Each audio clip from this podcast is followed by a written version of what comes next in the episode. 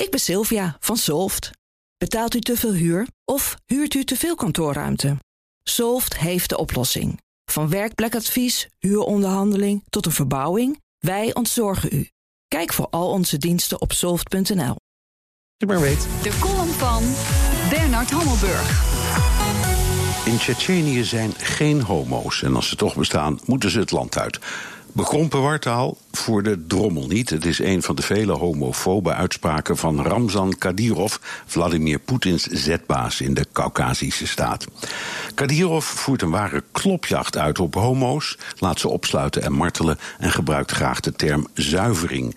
In een tv-interview met het Amerikaanse HBO gisteren zei hij: verhalen over de vervolging van homo's zijn onzin. We hebben hier geen homo's en mochten ze er zijn, stuur ze dan naar Canada om ons bloed te zuiveren.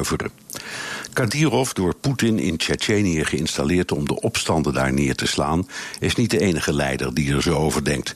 De vorige Iraanse president Ahmadinejad was er ook zo een. In Iran zijn alleen hetero's en mochten er LGBT'ers zijn, dan zijn dat enge misdadigers.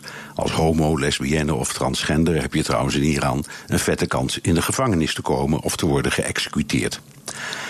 Anno 2017 is homoseksualiteit in zo'n 75 landen verboden of strafbaar. Het is lastig tellen, want Cook Island en Palestina bijvoorbeeld hebben anti-LGBT-wetten, maar zijn geen officiële landen.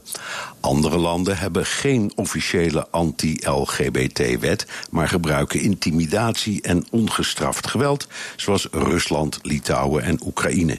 In 13 landen staat er de doodstraf op, zoals bij onze vrienden in Saoedi-Arabië en Nigeria, waarmee we grote zaken doen, en Afghanistan, waar 25 Nederlanders sneuvelden.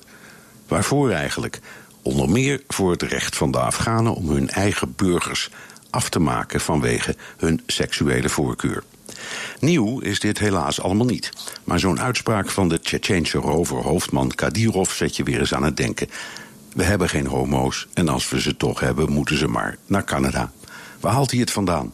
Gelukkig is Canada een modern, liberaal land waar het goed toeven is, zeker ook voor homo's, lesbiennes en transgenders. Ik zou zeggen, inpakken en wegwezen.